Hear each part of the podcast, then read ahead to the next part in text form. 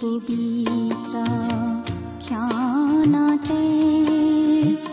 উজলি উঠা খ্ৰীষ্টৰ জ্যোতি নমস্কাৰ আমাৰ মৰমীয়াল প্ৰভু যীশুৰ মহান নামেৰে আপোনাক এয়া ভক্তিবচন অনুষ্ঠানলৈ আদৰিছো।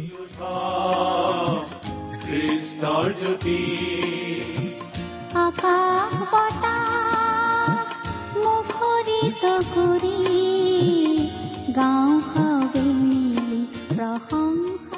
ঈশ্বৰে আপোনাক যি অসীম প্ৰেম কৰিলে তাক যদি অনুভৱ কৰিব বিচাৰে আৰু তেওঁৰ অগম্য বাক্যৰ মৌ মিঠা সোৱাদ ল'ব বিচাৰে তেন্তে আহক আজিৰ ভক্তিবচন অনুষ্ঠানটো মনোযোগেৰে শুনো। এয়া আপোনালৈ আগবঢ়াইছো ঈশ্বৰৰ জীৱন্ত বাক্যৰ অনুষ্ঠান ভক্তিবচন।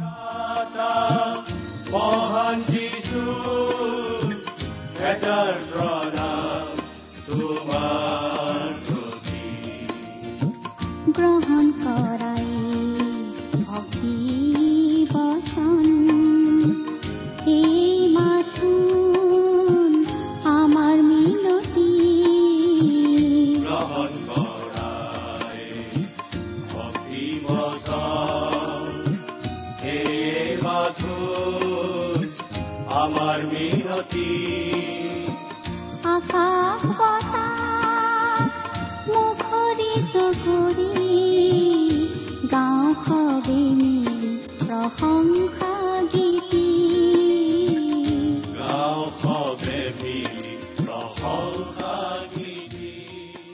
আমাৰ মহান ত্ৰাণকৰ্তা প্ৰভু যীশুখ্ৰীষ্টৰ নামত নমস্কাৰ প্ৰিয় শ্ৰোতা। আশা কৰো আপুনি ভালে কুশলে আছে। প্ৰিয় শ্ৰোতা আপুনি বাৰু আমাৰ এই ভক্তিবচন অনুষ্ঠানটো নিয়মিতভাৱে শুনি আছেনে? এই অনুষ্ঠান সম্বন্ধে আপোনাৰ মতামত আদি জনাই আমালৈ চিঠি পত্ৰ লিখিছেনে বাৰু? অনুগ্ৰহ কৰি আজি এই দুখাৰিমান লিখি পঠিয়াবচোন। আমাৰ যোগাযোগৰ ঠিকনা?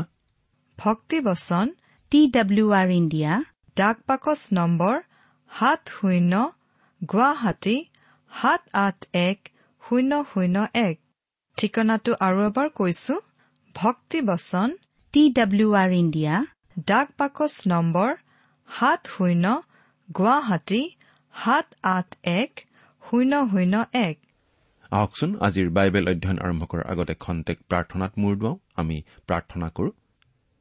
স্বৰ্গত থকা অসীম দয়ালু কৰুণাময় পিতা তোমাৰ তুলনা নাই।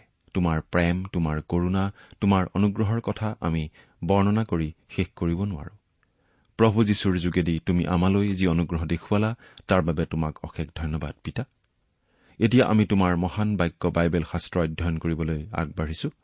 তোমাৰ বাক্য তুমিয়েই আমাক বুজাই দিয়া। এই অনুষ্ঠানৰ আৰম্ভণিৰ পৰা শেষলৈকে তুমিয়েই আমাৰ চলাওঁতা হোৱা।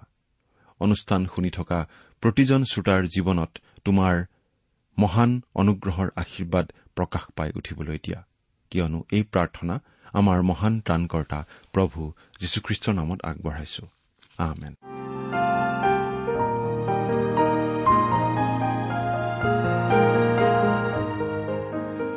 প্ৰিয় শ্ৰোতা আপুনি যদি আমাৰ এই ভক্তিবচন অনুষ্ঠানটো নিয়মিতভাৱে শুনি আছে তেনেহলে আপুনি নিশ্চয় জানে যে আমি এতিয়া বাইবেলৰ নতুন নিয়ম খণ্ডৰ ইব্ৰীবিলাকৰ প্ৰতি পত্ৰ নামৰ পুস্তকখনৰ অধ্যয়ন চলাই আছো। যোৱা অনুষ্ঠানটো আপুনি শুনিছিল নে বাৰু?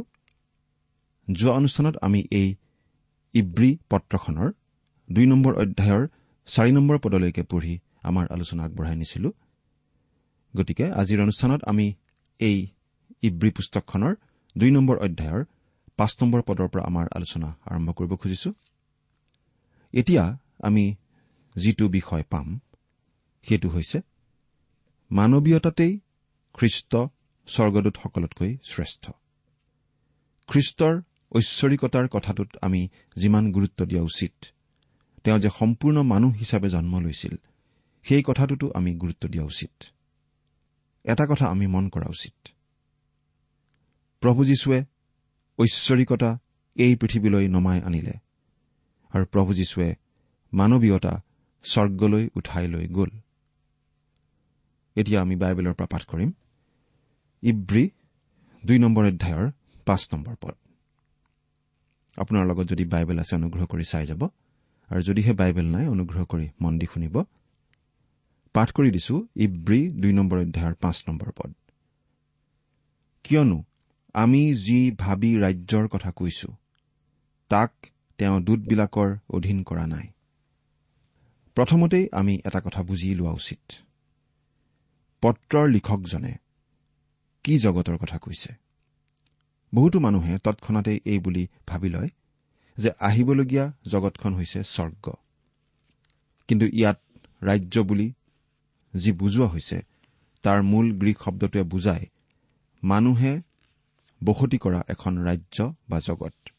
এই পদটোত আচলতে এই পৃথিৱীখনৰ মানুহবোৰৰ কথাকেই বুজোৱা হৈছে।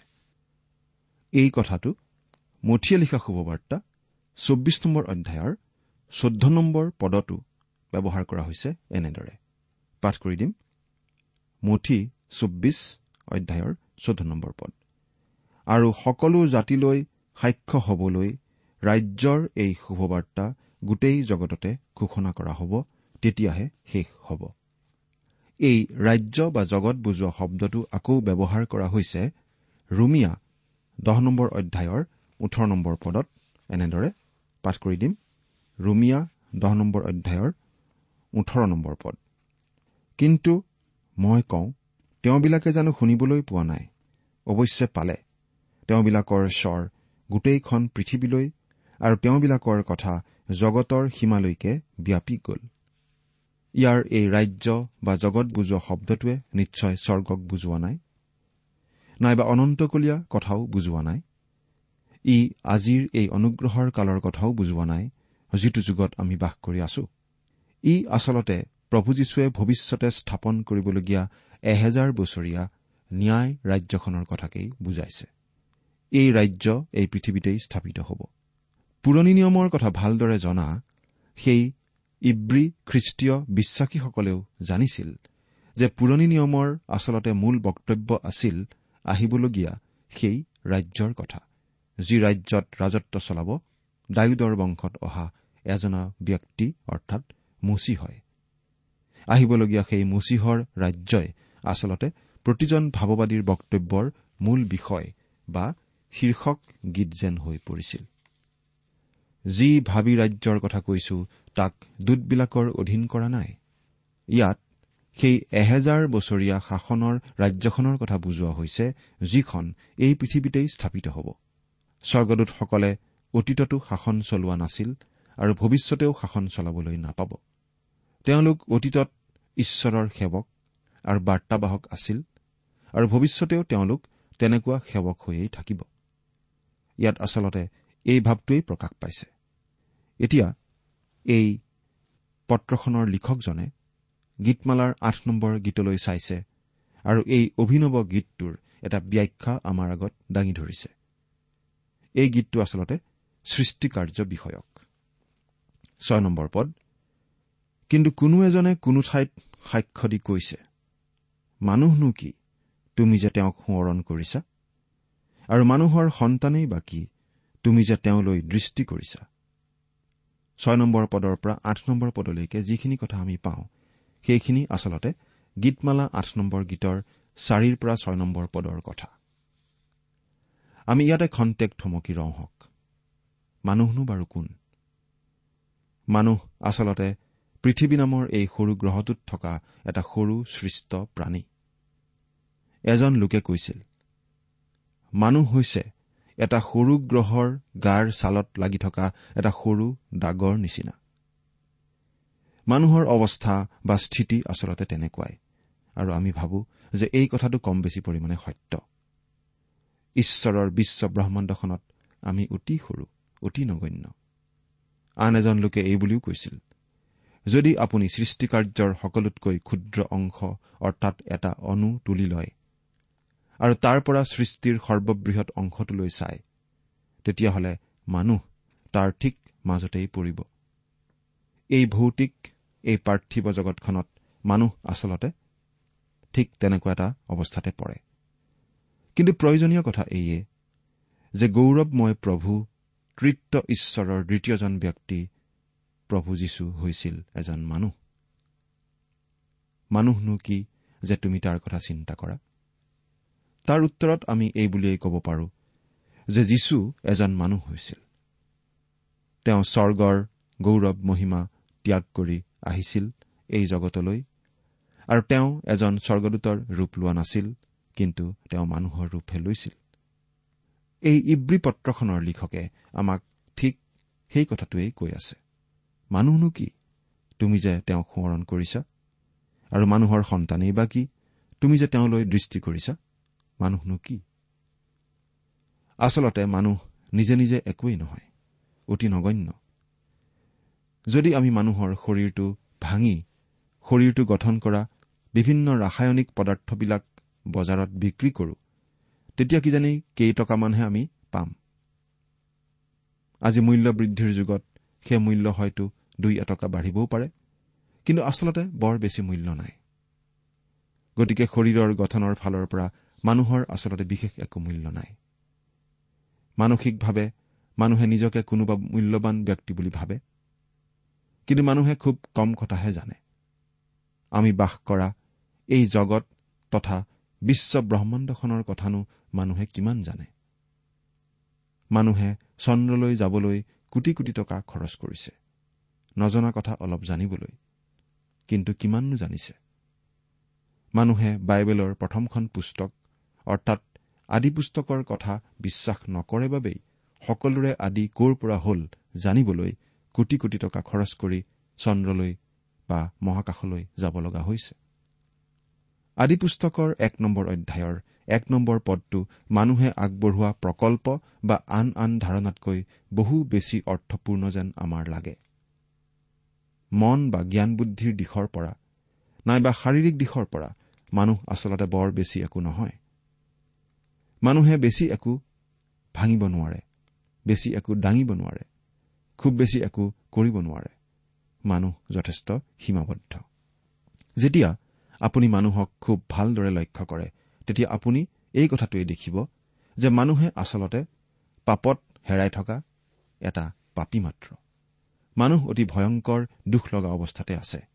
মানুহনো কি যে ঈশ্বৰে মানুহৰ কথা ভাবে? মানুহৰ সন্তানেই বা কি যে তুমি তালৈ দৃষ্টি কৰিছা? এৰা প্ৰিয় শ্ৰোতা ঈশ্বৰে আমাক সোঁৱৰণ কৰিলে আৰু তেওঁ আমাৰ মাজলৈ আহিল। কাৰণ তেওঁ আমাৰ সৈতে ভাৱৰ আদান প্ৰদান কৰিব বিচাৰিলে। আমাক তেওঁ এই কথা জনাব বিচাৰিলে। তেওঁ আমাক পৰিত্ৰাণ কৰিব বিচাৰিলে কাৰণ তেওঁ আমাৰ দুখলগীয়া অৱস্থা আমাৰ হেৰাই থকা অৱস্থা দেখা পালে। সাত নম্বৰ পদ। তুমি দূতবিলাকতকৈ তেওঁক অলপহে সৰু কৰিলা। প্ৰতাপ আৰু সমাদৰ স্বৰূপ মুকুটেৰে তেওঁক বিভূষিত কৰিলা। তোমাৰ হাতে কৰা সকলো বস্তুৰ ওপৰত তেওঁক গৰাকী পাতিলা। সৃষ্টিৰ সময়ত ঈশ্বৰে মানুহক স্বৰ্গদূততকৈ অলপ নিম্নখাপৰ কৰি সৃষ্টি কৰিছিল। গীতমালা আঠ নম্বৰ গীতত এইটো অতি স্পষ্ট কৰি দিয়া হৈছে যে ঈশ্বৰে মানুহক স্বৰ্গদূততকৈ অলপ তল কৰি সৃষ্টি কৰিছিল। কিন্তু যিজনা স্বৰ্গদূততকৈ শ্ৰেষ্ঠ আছিল যিজনা সৰ্বোচ্চ স্থানত আছিল তেওঁ নিজে স্বৰ্গদূততকৈ তল হৈ নামি আহিবলৈ ইচ্ছা কৰিছিল। তেওঁ স্বৰ্গদূত নহল তেওঁ মানুহে হ'ল। আমি বহুতো লোকে এই বুলি ক'ব খোজো যে পুৰণি নিয়মত জিহুৱাৰ দূত বুলি কওঁতে খ্ৰীষ্টৰ কথাকেই বুজোৱা হৈছে। আমি পুৰণি নিয়মত পঢ়িবলৈ পাইছিলো জিহুৱাৰ দূতে জাকুবৰ সৈতে মাল যুদ্ধ কৰাৰ কথা। আৰু আমি ভাবো সেই দূতজন আন কোনো নহয় প্ৰভু যীশুখ্ৰীষ্টই। আমি নতুন নিয়মত এই বুলি পঢ়িবলৈ পাওঁ যে যেতিয়া খ্ৰীষ্ট এই পৃথিৱীলৈ আহিছিল তেওঁ স্বৰ্গদূততকৈ তল হৈছিল কাৰণ তেওঁ মানুহ হৈছিল। গতিকে স্বৰ্গদূতবোৰেই মাপকাঠি বুলি আমি ধৰিব পাৰো। তেওঁলোকেই জোখমাখৰ একক বুলি আমি ধৰিব পাৰো। খ্ৰীষ্ট আছিল স্বৰ্গদূততকৈ ওপৰত কিন্তু যেতিয়া তেওঁ মানুহ হ'ল তেতিয়া তেওঁ স্বৰ্গদূততকৈ তল হ'ল। প্ৰভু যীশুৱে বাৰু এনেকুৱা কিয় কৰিলে? এইটো তেওঁ কৰিব লগা হৈছিল কাৰণ তেওঁ মানুহৰ আগত ঈশ্বৰক প্ৰকাশ কৰিব বিচাৰিছিল। তদুপৰি তেওঁ ঈশ্বৰৰ আগত মানুহৰ প্ৰতিনিধি। তেওঁ ঈশ্বৰক পৃথিৱীলৈ নমাই আনিলে আৰু মানুহক পৃথিৱীৰ পৰা স্বৰ্গলৈ উত্তোলিত কৰিলে। যদিহে আমি স্বৰ্গলৈ যাব পাৰো আমি খ্ৰীষ্টত আশ্ৰয় লোৱা কাৰণেহে স্বৰ্গলৈ যাব পাৰিম। আচলতে মানুহৰ বাবে ঈশ্বৰৰ আঁচনি এয়েই আছিল। প্ৰতাপ আৰু সমাদৰ স্বৰূপ মুকুটেৰে তেওঁক বিভূষিত কৰিলা। তোমাৰ হাতে কৰা সকলো বস্তুৰ ওপৰত তেওঁক গৰাকী পাতিলা। মানুহে এনে এটা কাম কৰিব যিটো স্বৰ্গদূতবিলাকে কেতিয়াও কৰা নাই। কি কাম বাৰু? স্বৰ্গদূতে ঈশ্বৰৰ এই বিশ্ব ব্ৰহ্মাণ্ডখনত কেতিয়াও শাসন চলাবলৈ পোৱা নাই। তেওঁলোক ঈশ্বৰৰ বাৰ্তাবাহক এজন স্বৰ্গদূতে ঈশ্বৰৰ বিৰুদ্ধে বিদ্ৰোহ কৰিবলৈ চেষ্টা কৰিছিল। তেওঁ নিজৰ সাম্ৰাজ্য স্থাপন কৰিবলৈ চেষ্টা কৰিছিল। তেওঁ নিজে সাহস হবলৈ চেষ্টা কৰিছিল। সেই স্বৰ্গদূতজনৰ নাম হৈছে লুচিফাৰ প্ৰভাতীয় তৰা। আজি আমি সেই স্বৰ্গদূতক ছয়তান বুলিহে চিনি পাওঁ। সেই দিয়াবল বা ছয়তান আছিল পোহৰৰ স্বৰ্গদূত। কিন্তু তেওঁ বিদ্ৰোহ কৰি নিজৰ মনতে এনেদৰে কৈছিল আমি পঢ়িবলৈ পাওঁ যিচয়া চৈধ্য নম্বৰ অধ্যায়ৰ তেৰৰ পৰা চৈধ্য নম্বৰ পদত তুমি মনতে ভাবিছিলা মই স্বৰ্গলৈ উঠি ঈশ্বৰৰ তৰাবোৰৰ ওপৰত মোৰ সিংহাসন ওখ কৰি স্থাপন কৰিম আৰু উত্তৰ দিশৰ অন্তসীমাত সভাগিৰিত মই বহিম। মই মেঘবোৰতকৈও ওখ ঠাইত উঠিম মই সৰ্বোপৰি জনাৰ তুল্য হ'ম। সেই ছয়তান নাইবা আন কোনো স্বৰ্গদূতৰ হাতত শাসনভাৰ দিবলৈ ঈশ্বৰৰ কোনো আঁচনি নাছিল আৰু নাই। কিন্তু তেওঁ মানুহক সৃষ্টি কৰিছে শাসক হবলৈ। কিন্তু আজি আমি দেখিবলৈ পাইছো যে মানুহ আচলতে শাসন কৰাত অলপো পাৰ্গত নহয়। মানুহে এই অসমৰ্থতা এই পৃথিৱীৰ সকলোবিলাক ৰাজধানীতেই প্ৰদৰ্শন কৰি আহিছে। আচলতে মানুহৰ এই অসমৰ্থতা দেখি লাজত আমাৰ মূৰ নত হৈ যাব খোজে। মানুহে শাসন কৰিব নাজানে কিন্তু শাসন কৰিব পাৰিম বুলি ভাবি থাকে। মানুহে আচলতে ছয়তানৰ মতবাদেই গ্ৰহণ কৰি লৈছে। মানুহে ঈশ্বৰক বাদ দি শাসন চলাবলৈ চেষ্টা কৰি আহিছে। ঈশ্বৰৰ ওপৰত ভৰসা কৰি মানুহে শাসন চলোৱা হলে দেশ সমাজ সকলোৱেই আশীৰ্বাদ লাভ কৰিলেহেঁতেন। কিন্তু মানুহে আচলতে শাসন চলাব নোৱাৰে কাৰণ সেই সামৰ্থ্য মানুহৰ নাই। আজি আমি প্ৰাচীন কালৰ ৰজা মহাৰজা আদিৰ কীৰ্তিচিহ্ন আদি দেখি হয়তো প্ৰশংসা কৰো। বৰ ডাঙৰ ক্ষমতাশালী ৰজা আছিল বুলি হয়তো আমি কওঁ। কিন্তু আমি যদি ভালদৰে ভাবি চাওঁ সেই ৰজাসকলৰ শাসননো কেনেকুৱা আছিল? আমি জানিবলৈ পাম যে বেছিভাগ ক্ষেত্ৰতেই ৰজাসকলে নিজক নিষ্কণ্টক কৰিবৰ কাৰণে নিজৰ আত্মীয় স্বজন আদিকেই নিষ্ঠুৰভাৱে বধ কৰিছিল। যদিহে আপুনি বা মই কোনো ৰজাৰ ভাই বা ভতিজা হলোহেঁতেন তেনেহলে আমাৰো মৃত্যুৰ ভয় অনবৰতেই থাকিলহেঁতেন। বহুতো ডাঙৰ ডাঙৰ স্মৃতিচিহ্ন আদি নিৰ্মাণ কৰোতেও আনকি অনেক লোকে প্ৰাণ হেৰুৱাব লগা হৈছিল। আচলতে যি জাতিৰেই মানুহ নহওক কিয় কোনো মানুহেই আচলতে যিধৰণে ঈশ্বৰে বিচাৰিছিল সেইধৰণে শাসন চলাবলৈ সমৰ্থ হোৱা নাই। কিন্তু মুক্তিদান কৰি ঈশ্বৰে মানুহক আকৌ সেই অৱস্থালৈ ঘূৰাই আনিব যাতে মানুহে শাসন চলাব পাৰে। গীতমালা আঠ নম্বৰ গীতত কোৱা হৈছে কিয়নো তুমি তাক গৌৰৱ আৰু মৰ্যাদাৰূপ মুকুটেৰে বিভূষিত কৰিলা। তোমাৰ হাতে কৰা সকলো বস্তুৰ ওপৰত তুমি তাক গৰাকী পাতিলা। তুমি সকলোকে তাৰ ভৰিৰ তল কৰিলা। প্ৰিয় শ্ৰোতা এডেনবাৰীত ঈশ্বৰৰ আদেশ অমান্য কৰি। ঈশ্বৰৰ প্ৰতি অবাধ্য হৈ মানুহে সেই আধিপত্য হেৰুৱাই পেলাইছিল। কিন্তু প্ৰভু যীশুখ্ৰীষ্ট মানৱৰূপে এই পৃথিৱীলৈ আহি সেই হেৰুৱা আধিপত্য আমাৰ হৈ আকৌ আমালৈ বুলি উদ্ধাৰ কৰিলে। আঠ নম্বৰ পদ। আৰু সকলোকে তেওঁৰ ভৰিৰ তলত ৰাখি তেওঁৰ অধীন কৰিলা। কিয়নো সকলোকে তেওঁৰ অধীন কৰাতে তেওঁ তেওঁৰ অনাধীন একোকে কৰা নাই। কিন্তু এতিয়ালৈকে আমি সকলোকে তেওঁৰ অধীন কৰা দেখা নাই। তুমি সকলোকে তাৰ ভৰিৰ তল কৰিলা। কাৰ ভৰিৰ তল বাৰু? খ্ৰীষ্টৰ ভৰিৰ তল। মানুহৰ ভৰিৰ তল নহয়। কিন্তু এতিয়ালৈকে আমি সকলোকে তেওঁৰ অধীন কৰা দেখা নাই। যদিও আমাৰ এই পৃথিৱীখন প্ৰভু যীশুৰ নিয়ন্ত্ৰণৰ পৰা আঁতৰি যোৱা নাই কিন্তু তেওঁ এতিয়াও ইয়াত প্ৰকৃততে শাসন চলোৱা নাই। কিন্তু এদিন প্ৰভু যীশুৱে ইয়াত শাসন চলাবহি। যেতিয়া প্ৰভু যীশুৱে এই পৃথিৱীত শাসন চলাব তেতিয়া কোনো হস্পিটেল নাইবা কোনো কাৰাগাৰৰ প্ৰয়োজন নহ'ব। কোনো অপৰাধ আৰু নাথাকিব। দৰিদ্ৰতাও আৰু নাথাকিব। যেতিয়া প্ৰভু যীশুৱে এই পৃথিৱীত শাসন চলাব সেই শাসন হ'ব। সুখ শান্তি ন্যায়েৰে ভৰা স্বৰ্গসদৃশ শাসন। এই পত্ৰখনৰ লিখকে গীতমালা আঠ নম্বৰ গীতৰ পৰা উদ্ধতি দিওঁতে এইটো পৰিষ্কাৰ কৰি দিছে যে গীত ৰচকে এই সকলোবোৰ কথা খ্ৰীষ্টক বুজাবলৈকেই কৈছিল আৰু এতিয়াও এই ভৱিষ্যৎবাণী ফলিয়াবলৈ বাকী আছে। এতিয়া আমি এই অধ্যায়টোৰ একেবাৰে হৃদয়ত সোমাই পৰিছো। ন নম্বৰ পদ। তথাপি দূতবিলাকতকৈ যিজনাক অলপহে সৰু কৰা হল সেই যীচুক দেখিছো। তেওঁ মৃত্যুভোগৰ কাৰণে প্ৰতাপ আৰু সমাদৰ স্বৰূপ মুকুটেৰে বিভূষিত যাতে ঈশ্বৰৰ অনুগ্ৰহত সকলোৰে কাৰণে তেওঁ মৃত্যুৰ আশ্বাদ পায়। এয়ে সেই মৃত্যুভোগৰ উদ্দেশ্য। সেই যীচুক দেখিছো। যীশুৱে যি কৰিলে তাৰ বাবেই আজি আমি তেওঁক দেখিছো। যীচুক দেখিছো। দেখিছো মানে এনেই ওপৰুৱাভাৱে চোৱাৰ কথা ইয়াত কোৱা হোৱা নাই। ইয়াত আচলতে এই ভাৱটো প্ৰকাশ পাইছে যে যীচুক জানি বুজি চাইছো আৰু তেওঁৰ কথা আমি বুজিছো। আমি এইটো জানিব পাৰিছো যে তেওঁত এনে কিবা কিবি আছে যিখিনি আমাৰ সীমিত মনে বুজি নাপায়।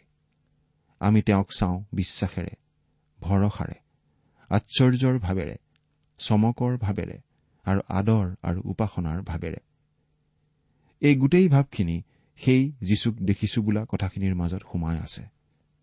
যীচুক দেখিছো। আপুনি বাৰু আজি যীচুক দেখেনে? ঈশ্বৰৰ আত্মাই বাৰু আপোনাৰ চকুৰ পৰা আঁৰ কাপোৰখন গুচাই দিছেনে যাতে আপুনি যীচুক চাব পাৰে? সেই যীচুক দেখিছো। এটা কথা মন কৰক যে যীচু নামটো আচলতে তেওঁ মানুহ হিচাপে লোৱা নামহে। তেওঁৰ জন্মৰ আগে আগে স্বৰ্গদূতে এই বুলি ঘোষণা কৰিছিল। তেওঁ এটি পুত্ৰ প্ৰসৱ কৰিব আৰু তুমি তেওঁৰ নাম যীচু থবা কাৰণ তেওঁৱেই নিজৰ লোকক তেওঁবিলাকৰ পাপবোৰৰ পৰা ত্ৰাণ কৰিব। মঠি এক নম্বৰ অধ্যায়ৰ একৈশ নম্বৰ পদ। দূতবিলাকতকৈ যিজনাক অলপহে সৰু কৰা হল তেওঁক দূতবিলাকতকৈ সৰু কৰা হল বোলা কথাটোত জোৰ দিয়া হোৱা নাই কিন্তু অলপহে সৰু কৰা হল বোলা কথাটোতহে বেছি জোৰ দিয়া হৈছে। আমি আচলতে এনেদৰেও ক'ব পাৰোঁ তেওঁক মাত্ৰ অলপ সময়ৰ কাৰণেহে দূতবিলাকতকৈ সৰু কৰা হল। তেওঁ এই পৃথিৱীত কটোৱা প্ৰায় তেত্ৰিশ বছৰ কালহে তেওঁক দূতবিলাকতকৈ সৰু কৰা হল। তেওঁ মৃত্যুভোগৰ কাৰণে। বৰং আমি এনেদৰে ক'ব পাৰোঁ যে তেওঁ মৃত্যুৰ দুখভোগ কৰা কাৰণে। কেৱল খ্ৰীষ্টইহে মানুহক প্ৰকৃত মুক্তি প্ৰদান কৰিব পাৰে আৰু এই কাম তেওঁ কৰিব পাৰে কাৰণ তেওঁ মানুহৰ পাপৰ প্ৰায়চিত্ৰ কৰিবলৈ ক্ৰুচত মৃত্যুৰ যন্ত্ৰণা ভোগ কৰিলে। কাৰণ এইটোৱেই একমাত্ৰ উপায় আছিল। প্ৰতাপ আৰু সমাদৰ স্বৰূপ মুকুটেৰে বিভূষিত। সেই মৃত্যুৱে তেওঁক প্ৰতাপ আৰু সমাদৰ স্বৰূপ মুকুট দিয়া নাছিল কিন্তু তেওঁ যে এই পৃথিৱীলৈ আহিল আৰু আপোনাৰ মোৰ সকলোৰে বাবে ক্ৰুচত মৰি দিলেহি সেইবাবেহে। এই কথাটো আমি আকৌ যদি ক'ব খোজো এই বুলি ক'ব পাৰো যে প্ৰতাপ আৰু গৌৰৱৰ মুকুটেৰে বিভূষিত এজন ব্যক্তি আছে। দুহেজাৰ পাঁচশ বছৰ আগতে কিন্তু সেই মানুহজন নাছিল। তেতিয়া তেওঁ তৃতীয় ঈশ্বৰৰ দ্বিতীয় ব্যক্তি অৰ্থাৎ পুত্ৰ ঈশ্বৰ বা ঈশ্বৰৰ বাক্য হিচাপেহে আছিল। তেওঁ ঈশ্বৰ তেওঁ ঈশ্বৰ ৰূপতেই আছিল। কিন্তু আজি তেওঁ মানুহৰো মানুহ কাৰণ তেওঁ দুহেজাৰ বছৰ আগতে মানুহ হৈ আমাৰ মাজলৈ আহিছিল। তেওঁ এই কাম কৰাৰ বাবে তেওঁক স্বৰ্গত প্ৰতাপ সমাদৰ আৰু মহিমাৰ মুকুট পিন্ধোৱা হ'ল যিটো আগতে নাছিল যাতে ঈশ্বৰৰ অনুগ্ৰহত।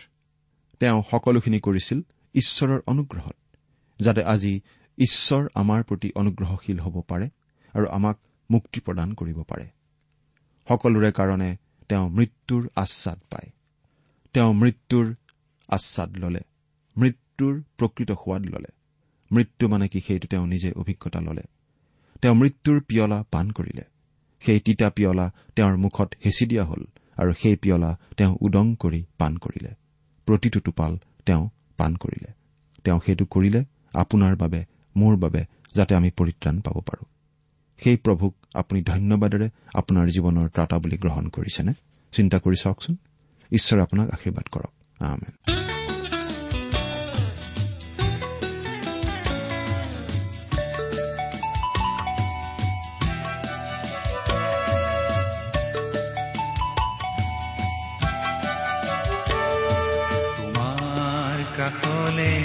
আহিছো পিতা আজি মোক জিৰণি দিয়া তোমাৰ কৰোণা মাগিছো পিতা তুমি মোক কাবতি লোৱা তোমাৰ কাষলে আহিছো পিতা আজি ইমান পৰে আপুনি ভক্তিবচন অনুষ্ঠানটি শুনিলে। অনুষ্ঠানটি শুনি কেনে পালে? আমালৈ চিঠি লিখি জনাবচোন। অনুষ্ঠানত প্ৰচাৰ কৰা কোনো কথা বুজিব লগা থাকিলেও আমালৈ লিখক। আমাৰ ঠিকনা ভক্তিবচন টি ডাব্লিউ আৰ ইণ্ডিয়া। ডাক পাকচ নম্বৰ সাত শূন্য গুৱাহাটী সাত আঠ এক শূন্য শূন্য এক। ঠিকনাটো আৰু এবাৰ কৈছো ভক্তিবচন টি ডাব্লিউ আৰ ইণ্ডিয়া। ডাক পাকচ নম্বৰ সাত শূন্য গুৱাহাটী সাত আঠ এক শূন্য শূন্য এক। আপুনি ইমেইল যোগেৰেও আমাৰ সৈতে যোগাযোগ কৰিব পাৰে। আমাৰ ইমেইল আইডিটো হৈছে Assamese T TV at radio' eight eight two dot com আইডিটো আকৌ এবাৰ কৈছো। Assamese T TV at radio' eight eight two dot com আপুনি টেলিফোনৰ মাধ্যমেৰেও আমাক যোগাযোগ কৰিব পাৰে। আমাৰ টেলিফোন নম্বৰটো হৈছে শূন্য তিনি ছয় এক দুই ছয় শূন্য চাৰি ছয় সাত এক। ফোন নম্বৰটো আকৌ এবাৰ কৈছো zero' three six one two six zero' four six seven one. আজিৰ অনুষ্ঠানটি ইমানতে সামৰিছো। ঈশ্বৰৰ শান্তি আৰু অনুগ্ৰহ আপোনাৰ লগত থাকক। ধন্যবাদ। তোমাৰ কৰোণা মাগিছো পিতা। মোক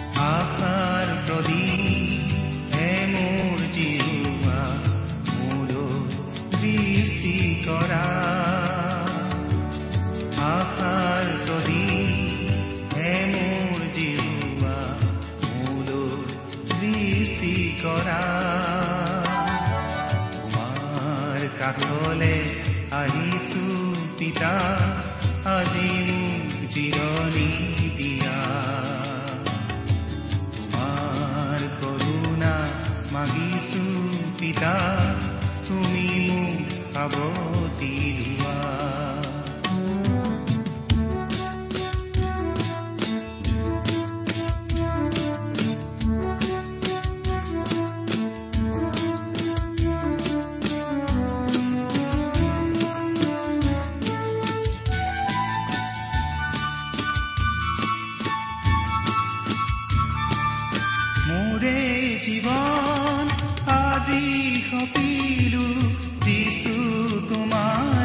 কাষ প্ৰতিশ্ৰুতি মোৰ তোমাৰ চৰণ চলিম তোমাৰে পথ মাথো আজি তোমাৰ প্ৰেমেৰে জীৱন পূৰ্ণ কৰা